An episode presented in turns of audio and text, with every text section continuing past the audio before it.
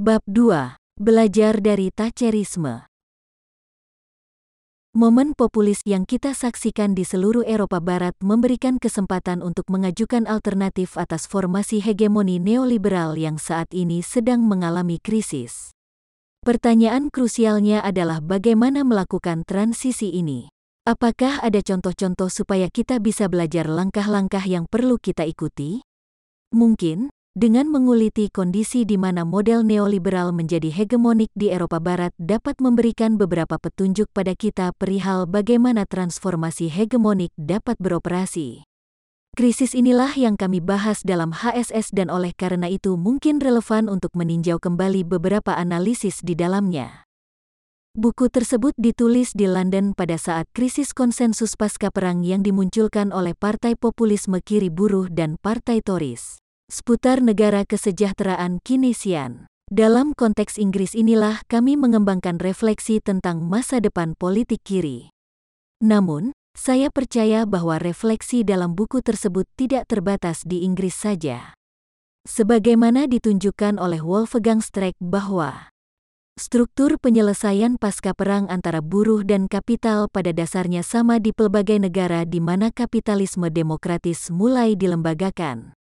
Hal ini meliputi ekspansi negara kesejahteraan, hak buruh untuk bebas berunding secara kolektif dan jaminan politik atas pekerjaan penuh, yang dijamin oleh pemerintah yang menerapkan perangkat ekonomi kinesian secara ekstensif.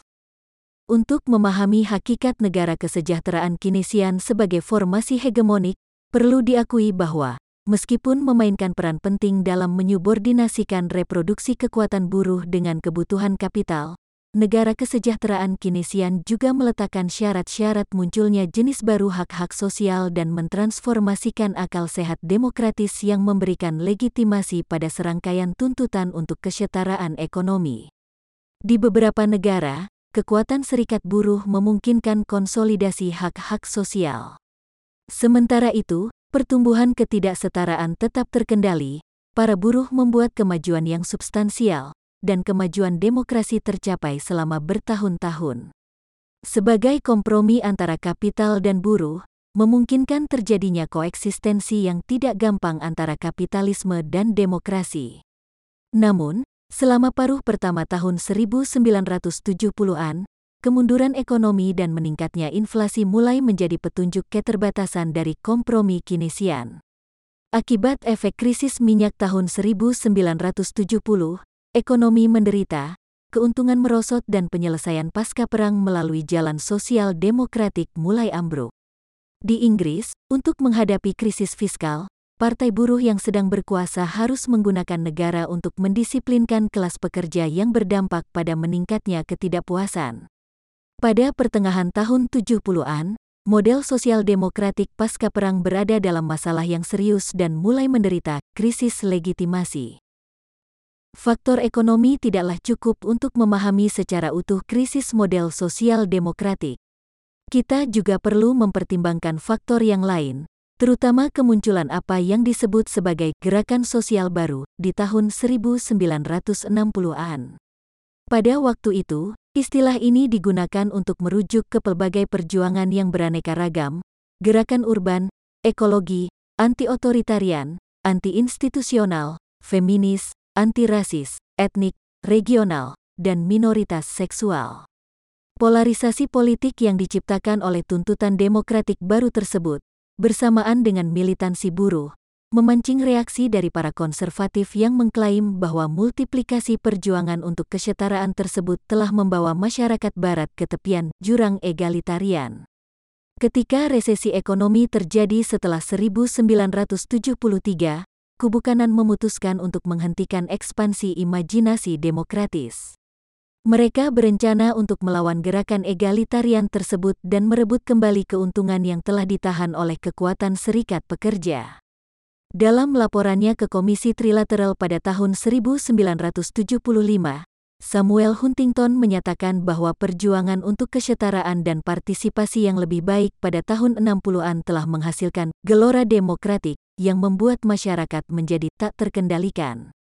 Huntington menyimpulkan bahwa kekuatan cita-cita demokrasi menimbulkan masalah bagi pemerintahan demokrasi. Pada saat kami menulis HSS, Margaret Thatcher baru saja memenangkan pemilihan umum tetapi dampak dari krisis tersebut masih belum jelas. Kami memandang situasi pada waktu itu demikian. Tidak dapat disangkal bahwa perkembangan antagonisme baru dan hak-hak baru yang begitu pesat mengarah pada krisis formasi hegemoni periode pasca perang.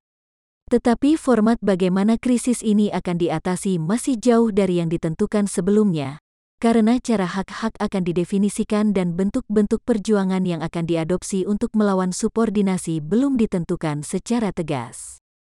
Kami mengklaim bahwa untuk melawan serangan dari kubu kanan, sangat penting bagi partai buruh untuk memperluas basis sosialnya dengan mengakui kekurangan politik korporatisnya dan menerima kritik dari gerakan sosial baru. Tuntutan-tuntutan demokratik mereka sangat penting untuk diartikulasikan di samping tuntutan kelas pekerja. Tujuannya adalah untuk membentuk blok historis baru di sekeliling proyek sosialis yang didefinisikan ulang dengan istilah radikalisasi demokrasi. Kami yakin bahwa hanya proyek hegemonik yang bertujuan memperluas prinsip-prinsip demokratik berupa kebebasan dan kesetaraan ke dalam rangkaian relasi sosial lebih luas yang dapat memberikan hasil progresif untuk menangani krisis. Sayangnya, Partai Buruh, yang masih menjadi tahanan dari visi ekonomi dan esensialisnya, tidak dapat memahami perlunya politik hegemonik dan masih bergantung pada cara-cara lama dari posisi tradisionalnya. Dengan demikian, Partai Buruh tidak dapat melawan serangan pelbagai kekuatan yang menentang model kinesian dan kondisi ini membuka jalan bagi kemenangan budaya dan ideologi neoliberal. Tujuan utama Margaret Thatcher ketika menjadi Perdana Menteri pada 1979 adalah untuk mengganti konsensus pasca perang antara Partai Tories dan Partai Buruh yang ia klaim sebagai penyebab kemandekan Inggris. Berbeda dengan Partai Buruh, Thatcher sangat menyadari akan sifat partisan politik dan pentingnya perjuangan hegemonik. Strategi yang digunakan Thatcher jelas-jelas populis. Strateginya berupa pembangunan batas politik antara pada satu sisi, kekuatan penguasa yang diidentifikasi dengan birokrat negara yang opresif, serikat pekerja, dan orang-orang yang menerima manfaat dari bantuan negara, dan pada sisi lain, rakyat yang menjadi korban kekuasaan birokratik dan para sekutunya. Target utama Thatcher adalah serikat buruh yang kekuasaannya harus disingkirkan. Thatcher terlibat dalam konfrontasi langsung dengan Serikat Pekerja Tambang Nasional yang dipimpin oleh Arthur Scargill, Thatcher menyebut sosoknya sebagai musuh dari dalam. Pemogokan massal para penambang, tahun 1984-5, yang merupakan perselisihan industrial paling sengit dalam sejarah Inggris, merupakan titik balik dalam lintasan kepemimpinan Thatcher. Perselisihan tersebut berakhir dengan kemenangan mutlak kubu pemerintah yang kemudian memberlakukan syarat-syarat yang melemahkan gerakan serikat buruh dan mengonsolidasikan program ekonomi liberal. Pada saat konsensus Kinesian pasca perang sedang mengalami keretakan, Margaret Thatcher turun tangan untuk menantang status quo. Dengan membentuk batas politik, Thatcher mampu mendisartikulasi unsur-unsur penting dari hegemoni sosial demokratik dan membangun tatanan hegemoni baru yang didasarkan pada persetujuan populer. Hal inilah yang tidak dapat dipahami oleh para politisi partai buruh dengan pandangan esensialisnya. Alih-alih melakukan kontra-hegemoni, para politisi partai buruh percaya bahwa meningkatnya pengangguran disebabkan oleh kebijakan neoliberal dan memburuknya kondisi pekerja tersebut akan segera mengantarkan para politisi partai buruh ke pemerintahan.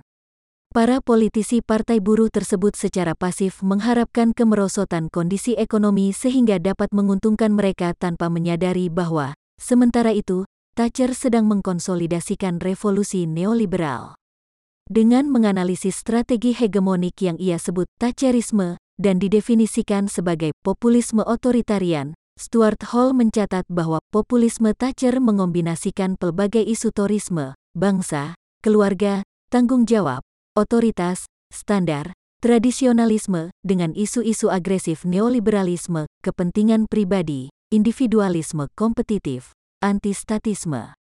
Kesuksesan Thatcher dalam mengimplementasikan kebijakan neoliberal di Inggris menjadi mungkin karena kapasitasnya dalam mengapitalisasi pelbagai resistensi terhadap cara kolektivis dan birokratik di mana negara kesejahteraan diterapkan.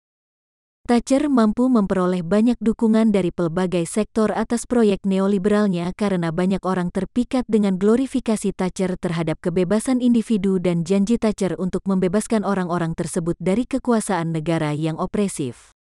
Diskursus tersebut beresonansi, bahkan di kalangan para penerima manfaat intervensi negara, karena mereka membenci cara birokrasi di mana manfaat tersebut sering didistribusikan lewat jalan mempertentangkan kepentingan-kepentingan kelas pekerja dengan kepentingan feminis dan imigran, yang dianggap bertanggung jawab atas hilangnya beberapa pekerjaan, Thatcher berhasil memenangkan sektor-sektor penting kelas pekerja. Dalam serangannya yang gencar terhadap hegemoni sosial demokratik, Margaret Thatcher melakukan intervensi pada beberapa sektor ekonomi, politik dan ideologi untuk mengonfigurasi ulang secara diskursif apa yang pada waktu itu dianggap sebagai pandangan umum, common sense, dan melawan nilai-nilai demokratiknya. Tujuan utamanya untuk memutus hubungan yang telah ditetapkan antara liberalisme dan demokrasi melalui, sebagaimana dikemukakan C.B. Macpherson, demokratisasi, liberalisme.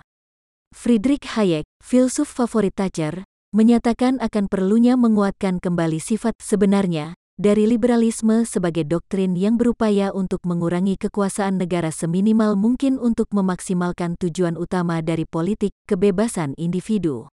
Pandangan ini merupakan gagasan yang Hayek definisikan secara negatif sebagai kondisi orang-orang di mana kursi terhadap beberapa orang oleh beberapa orang yang lain dikurangi sebanyak mungkin dalam masyarakat. Langkah yang lain dalam strategi ideologi ini adalah dengan melakukan pemaknaan ulang terhadap demokrasi, dengan menjadikannya subordinat pada kebebasan. Menurut Hayek, ide demokrasi merupakan hal sekunder ketimbang ide kebebasan individu.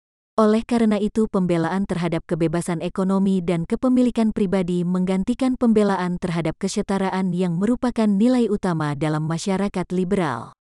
Menurut Hayek, Demokrasi secara esensial berarti perangkat utilitarian untuk menjaga perdamaian internal dan kebebasan individu. Dia bersikukuh bahwa apabila terdapat konflik antara demokrasi dan kebebasan, maka yang perlu diprioritaskan adalah kebebasan dan demokrasi harus dikorbankan. Bahkan kemudian, Hayek lebih ekstrim lagi dengan menyarankan untuk menghapus demokrasi. Thatcher menggunakan diskursus yang mempertentangkan, Pembayar pajak yang taat dengan para elit birokratik yang mengekang kebebasan pembayar pajak melalui penyalahgunaan kekuasaan negara, karenanya ia berhasil mengkonsolidasikan blok historis di sekeliling visi neoliberalnya dan mengubah secara drastis konfigurasi kekuatan sosial dan ekonomi. Namun, pada titik tertentu, politik Thatcher dianggap terlalu memecah belah oleh Tories dan, setelah memenangkan tiga pemilu, ketika penerapan pajak perseorangan, poll tax, pada 1989 menyebabkan pecahnya kekerasan jalanan, para politisi Partai Tories mendesak Thatcher untuk mengundurkan diri pada tahun 1990. Meskipun demikian, pada saat itu, Margaret Thatcher telah berhasil mengunci revolusi neoliberalnya dan ketika dia meninggalkan pemerintahan, visi neoliberal telah begitu mendarah daging di benak publik, Bahkan ketika Partai Buruh kembali berkuasa pada 1997 dengan sosok Tony Blair, tetap tidak mampu melawan hegemoni neoliberal. Memang, seperti yang diperlihatkan Hall, seseorang menemukan semua diskursus kunci Thatcher dalam diskursus Partai Buruh baru, New Labour, para pembayar pajak, para pekerja keras yang dipajaki berlebihan untuk mendanai kesejahteraan pengemis, dan konsumen, ibu rumah tangga beruntung dan bebas melakukan pilihan terbatasnya di pasar yang pilihan dan personalisasinya telah dirancang secara khusus.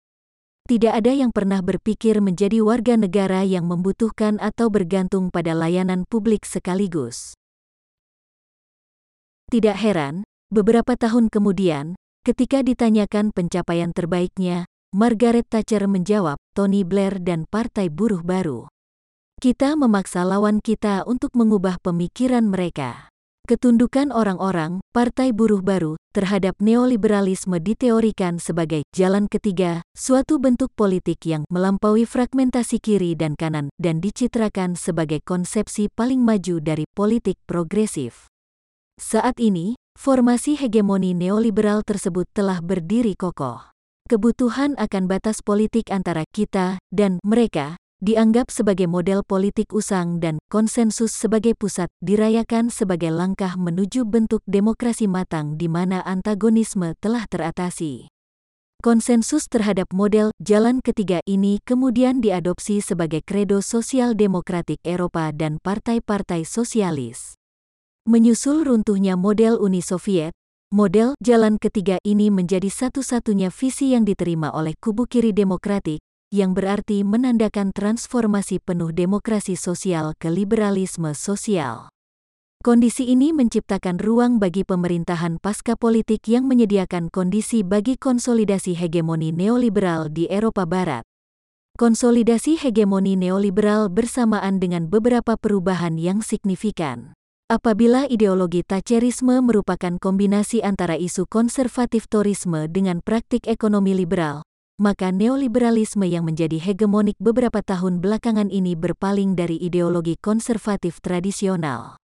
Untuk merespons transformasi dalam hal mode regulasi kapitalisme yang berhubungan dengan transisi dari Fordisme ke pasca Fordisme, formasi hegemoni neoliberal mengakomodir isu-isu budaya tandingan counterculture. Dalam bukunya The New Spirit of Capitalism, Luke Boltanski dan Eve Chiapello menjelaskan cara di mana, dengan dihadapkan pada tantangan yang direpresentasikan oleh gerakan-gerakan baru, kapitalis berhasil menggunakan tuntutan-tuntutan otonomi gerakan tersebut dengan memanfaatkannya dalam perkembangan jaringan ekonomi pasca Fordis dan mengubahnya menjadi bentuk-bentuk kontrol baru. Beberapa bentuk kritik artistik, istilah dari Boltanski dan Ciapello untuk merujuk pada strategi estetik budaya tandingan yang meliputi pencarian akan autentisitas, manajemen diri yang ideal, dan urgensi anti-hierarki digunakan untuk mempromosikan kondisi-kondisi yang diprasyaratkan oleh mode baru regulasi kapitalis yang menggantikan kerangka pendisiplinan pada periode Fordis. Cara ini menciptakan kondisi yang baik untuk mengooptasi dan menetralkan pelbagai tuntutan gerakan sosial baru ialah dengan menggunakan mereka untuk meliberalkan buruh dan mempromosikan individualisme yang rakus. Beberapa pemikir kiri sangat kritis terhadap Boltanski dan Ciapello, menuding keduanya sebagai pihak yang mengajukan gerakan budaya tandingan sehingga bertanggung jawab atas kemenangan nilai-nilai neoliberal. Interpretasi seperti ini berdasarkan pada pemahaman keliru atas pendekatan mereka yang sebenarnya justru, dari perspektif hegemonik, seperti yang saya tunjukkan dalam Agonistics, memperkenankan kita untuk memvisualisasikan transisi dari Fordisme ke pasca Fordisme yang dalam istilah Gramsci disebut hegemoni melalui netralisasi atau revolusi pasif. Dengan istilah tersebut, Gramsci merujuk pada situasi di mana pelbagai tuntutan yang menantang tatanan hegemonik dihidupkan kembali oleh sistem yang ada, memuaskan mereka dengan cara menetralkan potensi subversifnya. Berkat proses pembalikan diskursus dan praktik kritik budaya tandingan, kapital mampu melawan tantangan tersebut, bahwa tuntutan bisa saja terrepresentasikan dalam legitimasi kapital dan untuk mengkonsolidasikan supremasinya. Solusi tersebut berlaku untuk beberapa waktu, tetapi setelah beberapa tahun hegemoni yang tak terbantahkan tersebut, saat ini neoliberalisme sedang memasuki krisis, dan kemungkinan terbuka bagi kubu kiri untuk membangun tatanan hegemoni berbeda. Sebuah kesempatan yang tidak boleh dilewatkan dan untuk mengonsepsikan bagaimana melakukan intervensi terhadap krisis ini, saya mengusulkan untuk belajar dari strategi Thatcher. Mungkin ini tampak sebagai provokasi, tetapi saya bukanlah orang pertama yang mengusulkannya, walaupun dalam konteks yang berbeda, Strategi ini juga diusulkan oleh Stuart Hall dalam bukunya The Hard Road to Renwo, di mana Hall menegaskan bahwa, berseberangan dengan Partai Buruh, Thatcher mampu mengembangkan proyek politik hegemonik dengan memainkan rangkaian strategi sosial dan ekonomi yang berbeda tanpa mengabaikan dimensi ideologis. Krisis formasi hegemonik neoliberal akhir-akhir ini membuka kemungkinan intervensi untuk membangun tatanan yang berbeda. Kita harus mengikuti strategi Thatcher, mengadopsi strategi populis tetapi dengan tujuan progresif dan mengintervensi pelbagai sektor untuk membangun sebuah hegemoni baru yang bertujuan memulihkan dan memperdalam demokrasi. Momen populis membutuhkan jenis intervensi yang demikian. Selagi krisis neoliberalisme menyediakan kesempatan untuk membangun sebuah tatanan hegemonik baru, tidak ada jaminan bahwa tatanan yang baru ini akan memberikan kemajuan demokratik secara signifikan dan bahkan mungkin bersifat otoriter. Inilah kenapa kebaruan ini krusial bagi kubu kiri untuk tidak mengulangi pelbagai kesalahan di masa lalu. Sangat penting bagi kubu kiri untuk melepaskan konsepsi politik esensialis yang mencegahnya dari memahami dimensi hegemonik dari politik. Apa yang sangat dibutuhkan adalah strategi populis kiri yang bertujuan mengonstruksi rakyat, yakni kombinasi pelbagai perlawanan demokratik terhadap pasca demokrasi untuk membangun formasi hegemonik menjadi lebih demokratik. Upaya ini akan memerlukan transformasi relasi kuasa besar-besaran dan pembentukan praktik demokratik baru, tetapi saya berpendapat bahwa upaya tersebut tidak mensyaratkan pemutusan revolusioner dengan rezim demokrasi liberal tidak disangsikan bahwa terdapat orang-orang di kubu kiri yang akan menganggap kemungkinan seperti ini tidak dapat dilaksanakan. Tetapi saya menandang bahwa pengalaman Thatcherisme menunjukkan bahwa, dalam masyarakat Eropa, adalah mungkin untuk melakukan transformasi atas tatanan hegemonik yang ada tanpa menyingkirkan institusi-institusi demokrasi liberal. Belajar dari Thatcherisme berarti menyadari bahwa dalam krisis saat ini langkah yang harus dilakukan adalah membangun batas politik yang memutus konsensus pasca politik antara kanan moderat dengan kiri moderat. Tanpa mendefinisikan lawan, serangan hegemonik tidak dapat dilakukan. Namun, justru langkah seperti ini yang tidak dapat dilakukan oleh partai-partai sosial demokratik yang telah berpindah ke neoliberalisme. Alasannya karena Partai Sosial Demokratik percaya bahwa demokrasi harus mencapai konsensus dan mungkin menjalankan politik tanpa sebuah lawan, adversari. Strategi populis kiri harus menantang pandangan seperti itu, tetapi relasi kuasa hari ini jelas-jelas kurang menguntungkan ketimbang keadaan yang kita teliti dalam HSS. Selama tahun-tahun hegemoni neoliberal, banyak kemajuan sosial demokratik berhasil dipereteli dan kita menyadari diri kita dalam situasi paradoks karena harus membela pelbagai institusi negara kesejahteraan yang kita kritik sebelumnya karena tidak cukup radikal. Pada saat krisis konsensus pasca perang, sosial demokrasi, walaupun telah dilemahkan oleh pertumbuhan inflasi dan resesi ekonomi, belum terkalahkan secara ideologis. Dan, seandainya sosial demokrasi mampu merancang strategi hegemonik yang tepat, ia mungkin berhasil mempertahankan kemajuan sosialnya. Banyak nilai-nilai demokratik yang merupakan unsur utama sosial demokratik masih memiliki kekuatan dan hal ini masih mungkin membayangkan proyek kiri melalui radikalisasi. Tentu saja radikalisasi bukan lagi persoalannya, tidak mungkin kita membayangkan untuk meradikalkan neoliberalisme. Sekarang, sebelum mampu meradikalkan demokrasi, terlebih dahulu harus memulihkannya. Keadaan saat ini memerlukan pemutusan dengan formasi hegemonik yang ada, dan hal inilah yang partai-partai sosial liberal tidak mampu lakukan. Partai-partai tersebut sudah terlalu terintegrasi dengan formasi hegemonik neoliberal dan diskursus reformis mereka tidak memperkenankan mereka untuk membuat batas politik dan membayangkan visi alternatif. Supaya partai-partai seperti itu bisa memberikan solusi atas krisis, dibutuhkan transformasi identitas dan strategi yang mendalam. Sejak runtuhnya model Soviet, banyak sektor kiri tidak bisa membayangkan alternatif atas perspektif politik liberal selain daripada pekik revolusioner yang telah mereka campakkan.